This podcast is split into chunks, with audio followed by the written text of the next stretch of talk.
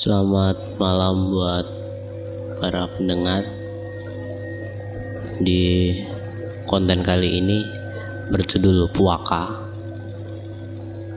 Mungkin Puaka itu dalam KBBI itu berarti hantu penunggu. Jadi di konten kali ini saya bakal sedikit bercerita tentang pengalaman saya pribadi bersama teman-teman saya tentang rumah hantu di Selokan Mataram. Mungkin saya perkenalkan dulu, saya adalah seorang mahasiswa angkatan 2018 yang kuliah di Yogyakarta. Kejadian ini dimulai waktu kita semester 1 kita dan ya kita sama teman-teman merupakan anak-anak yang gabut orang-orang yang suka nyari-nyari hal-hal yang aneh-aneh kadang. Karena kita di semester 1 kan masih nggak terlalu banyak kegiatan kuliah juga masih tidak terlalu padat makanya banyak waktu luang buat kita buat ngobrol buat bercanda-bercanda kayak gitu. Di suatu percakapan pernah iseng-iseng kita pergi ke salah satu tempat yang udah terkenal horor di Jogja. Jadi awalnya ah, mungkin sedikit cerita dulu. Kita ini satu kos. Jadi di kos ini ada saya sendiri ada Juli ada Nata ada Nia ada Maula dan ada Uki. Mungkin namanya saya samarkan agar teman-teman mungkin nggak tersinggung atau salah paham nantinya. Plot awalnya itu dari Nata. Nata itu orang yang sangat pengen buat lihat hal-hal yang di luar nalar. Tapi dia nggak bisa. Tapi ada salah satu teman kita Yuli dia bisa dibilang dia anak indigo. Dia bisa lihat dia bisa ngerasain dia bisa tahu kehadiran mereka. Suatu saat Nata ngajakin kita nih buat explore ke Jogja dia udah nyiapin beberapa list tempat-tempat horor yang udah dia cari gitu. Nah salah satu tempatnya adalah hmm, mungkin kalau kalian search di Google ada kuntilanak merah selokan Mataram.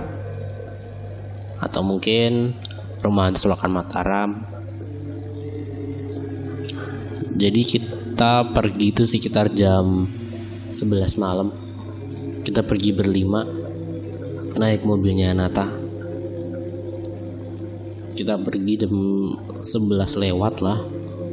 Sampai sana mungkin sekitar jam 12an karena sebelumnya kita juga kita nggak juga ke tempat-tempat lainnya. Mungkin bakal aku ceritain di video selanjutnya di tempat pertama ini kita parkir itu di depan tempatnya langsung di depan kosnya langsung. Jadi mungkin sedikit cerita kalau kos ini awalnya kos perempuan yang udah lama ditinggalin sekitar 10 sampai 15 tahun nggak ditempatin karena ada cerita bahwa salah satu penghuni kos di situ pernah bunuh diri dengan cara gantung diri di situ. Sekarang kondisi rumahnya udah banyak mural-mural, terus di dalam juga udah nggak terawat. Tapi di depan rumahnya itu sekarang udah ada kayak kios-kios seperti itu. Jadi untuk akses ke dalam rumah itu sebenarnya udah ditutup. Kita berlima pun masuk ke sana lompat ke pagarnya gitu jadi sebenarnya itu nggak boleh. Jadi posisinya saya Yuli Maula dan Uki kita masuk ke dalam terus si Nata sama si Nia dia nunggu di mobil di luar jaga-jaga kalau ada apa-apa. Karena kondisi memang udah malam banget jam 11 setengah 12 gitu. Jadi kita ah sorry. Mungkin sedikit ralat tadi kita berangkat itu kita sekitar jam 9 jadi kita berangkat jam 9 kita ke tempat lain dulu baru ke tempat ini. Di tempat ini sekitar jam 11an karena udah malam banget tempatnya udah mulai sepi. Jembatannya itu juga udah jarang orang lewat juga. Di awal kedatangan kita kita sempat nunggu sekitar setengah jam lah karena di situ si Yuli ngomong kalau jangan masuk dulu aku mau izin. Jadi sekitar setengah jam kita nunggu di depan dalam mobil semua sampai akhirnya kita masuk. Di awal Yuli udah sempat ngomong ke kita kalau kita udah disambut. Jadi di atas kata dia di lantai dua itu udah ada sosok kuntilanak merah yang ngeliatin ke kita. Sampai pada akhirnya kita masuk. Kita berempat masuk. Saya sendiri Yuli Maula sama Uki. Di awal kita masuk kita cuman bermodalkan flash HP kita naik ke lantai dua karena di situ memang tempat kosnya kosnya di lantai dua. Ada beberapa kamar di situ. Kita naik di atas itu sudah pintu udah terbuka. Kita masuk ada lorong di situ. Kita coba explore dari kamar per kamar. Di yang mengejutkan itu di kamar pertama. Jadi kita masuk sebelah kanan itu udah kamar kamar pertama. Nah itu di dalam kamar seperti bekas terbakar. Jadi di situ masih ada barang-barang seperti baju tas kasur buku-buku. Tapi sudah hangus terbakar. Sudah hitam semua. Kita coba cari-cari di situ coba lihat. Mungkin ada beberapa barang yang, yang bisa menjadi petunjuk kita sampai akhirnya di dalam tumpukan-tumpukan buku kita menemukan sebuah album foto yang covernya udah hangus. Cuman ternyata isi di dalamnya itu masih benar-benar bagus. Masih nggak nggak ada bekas kebakar sama sekali. Walaupun depannya angus dan semua barang di situ angus tapi di dalam buku itu di dalam album itu masih ya, ya masih kayak normal. Kita buka dari halaman per halaman kita lihat foto-foto di situ. Di dalam foto itu masih ada foto dari penghuni kamar yang sebelumnya. Itu mungkin sekitar foto 90-an atau 2000 awal. Soalnya kita lihat kayak potongan rambutnya masih potongan yang potong pendek baju-baju 90-an gitu gitu ada foto perempuan sama keluarganya sama teman-temannya sama saudaranya dan itu beneran perempuan yang cantik menurut kita. Sampai waktu kita cek di belakang foto itu ternyata ada tanggalnya. Dan tanggalnya itu aku lupa tanggal berapa. Ada tahunnya juga di situ.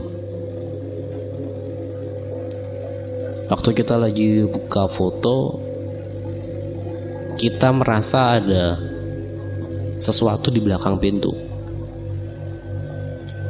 sesuatu yang menunggu kita di belakang pintu. Yang menurutku pribadi auranya itu bener beran sedih. Yang auranya buat kita kayak mau nangis sedih gitu.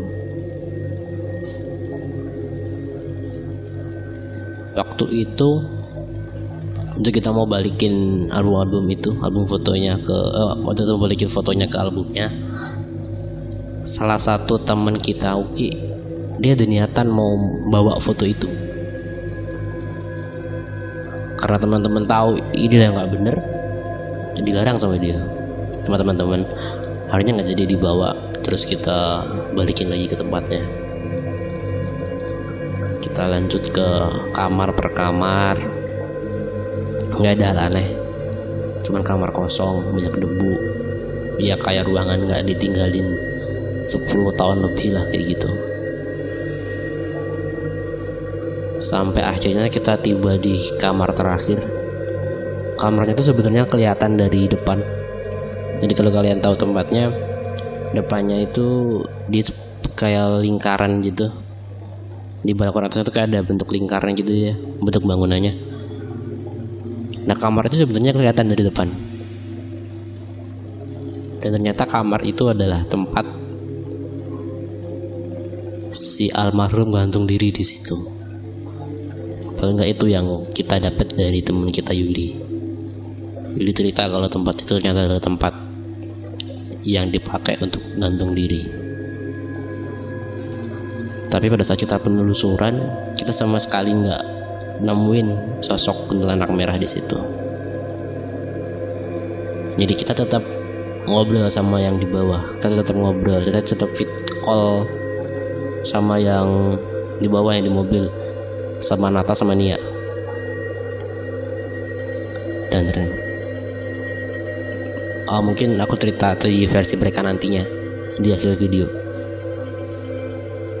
Pada waktu kita di atas kita nggak nemuin sesuatu. Ya akhirnya kita putuskan buat pulang karena udah nggak nggak dapat apa-apa dan udah malam juga kan. Kita keluar dari ruangan-ruangan itu keluar dari atas. Waktu kita mau jalan keluar si Yuli ini dia minta kita buat ke bawah tangga. Dan ternyata di bawah tangga ada sebuah pintu. Yang di situ itu ditutup cuman dikunci gembok tapi gemboknya nggak ditutup. Nggak dikunci gitu. Jadi masih bisa dibuka akhirnya kita putusin buat masuk ke ruangan tersebut. Waktu kita masuk dalam ruangan itu udah sangat berdebu tapi masih banyak barang-barang yang sebenarnya masih bisa dipakai. Kayak kulkas oven gitu-gitu masih masih ada di situ. Cuman ya udah saya sangat udah sangat berdebu karena udah ditinggalin lebih dari 10 tahun. Dan anehnya di bawah itu banyak serpian-serpian kaca. Padahal kita lihat di situ tidak ada jendela atau atau apa pun yang kayaknya ini bekas kaca. Kayak cermin atau apa gitu nggak ada di situ. Tapi adalah tetap jalan kita masuk ke ruangan tengahnya itu. Di dalam ruangan tengah itu kita menemukan sebuah lemari buffet. Jadi buffet itu kayak lemari gede gitu. Yang kak yang apa sih? Pintu depannya itu dari kaca. Jadi kita bisa lihat dalamnya itu ada isi apa aja gitu. Di lemari itu di tengah di tengah-tengah lemari tergantung baju warna putih mungkin baju sekitar anak-anak SD atau TK kelas eh, SD kelas 1 atau TK gitu. Baju anak-anak. Lemari itu terbuka. Dan anehnya baju itu masih benar-benar putih kayak baju beli-beli padahal sekitarnya itu udah benar-benar berdebu. Udah lusuh gitu. Tapi bajunya bener-bener putih. Terus di bawah dari lemari itu kayak di lacinya gitu di atas laci itu ada buku gambar. Buku gambar yang udah lusuh yang udah 10 tahun gitu lah udah berdebu gitu gitu ada gambaran anak-anak gitu mungkin anak-anak dari yang punya rumah. Jadi minta analisanya waktu itu di bawah tuh jadi tempat tinggal terus yang di atas tuh jadi kos. Jadi kayak baju-baju kayak baju terus gambar itu tadi itu mungkin dari anaknya yang punya rumah di bawah. Nah suatu waktu kita lihat-lihat gambar oret-oretan dari anak itu si Uki ini pengen ngambil barang itu lagi. Dia udah naruh bukunya di saku belakangnya dia. Karena waktu itu aku lihat dan langsung aku tegur ngapain kamu ngapain nyimpen barang kayak gini? Ini, ini bukan punya kita. Kembaliin. Jangan. Dengan muka yang aneh gitu akhirnya dia kembaliin bukunya. Di sebelah pia di sebelah bifet itu ada piano lama.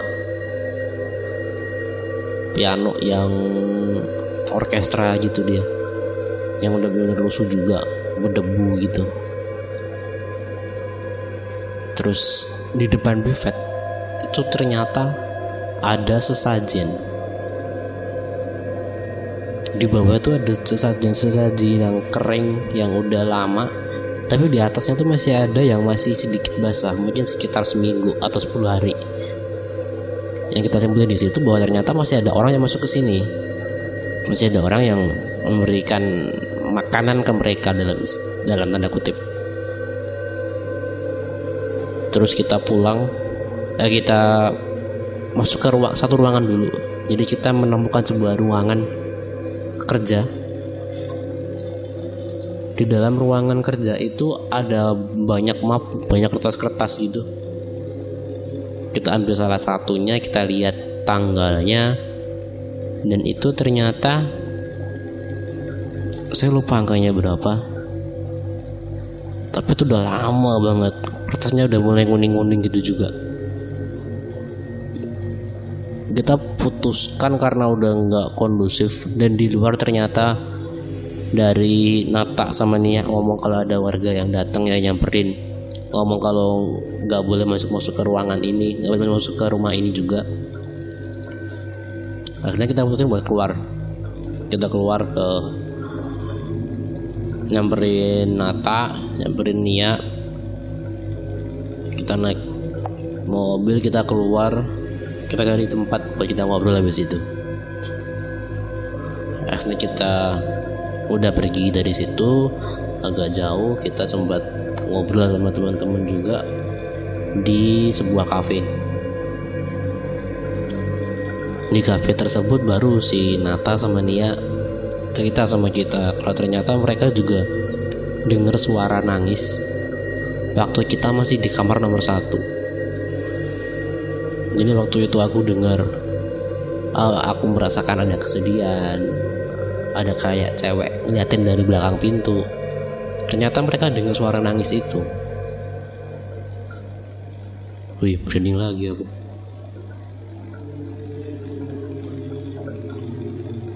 Tapi sosok dari anak merah ini dia masih belum muncul sampai sekarang. Sampai kita di tempat itu. Kemudian kita selesai ekspedisi pun sosok itu ternyata tidak mau muncul karena Yuli um, gimana ngomongnya? Iya intinya dia tidak bisa muncul karena ada Yuli di situ. Dan waktu itu juga si Yuli ngomong kalau ternyata ada cewek dalam tanda kutip yang mengikuti Uki. Jadi selama ini, selama tadi dia ekspedisi, dia pengen ngambil foto, dia pengen ngambil buku gambar. Ternyata adalah ada faktor lain dari itu. Ya sampai akhirnya mungkin sekitar satu atau dua minggu baru cewek itu mau keluar dari nggak maksudnya nggak nggak mau ngikutin lagi si Uki. Tapi kita putusin ekspedisi malam itu cukup berhasil karena kita sempat nemu hal-hal yang nggak masuk akal kayak baju terus kayak kamar yang kebakar.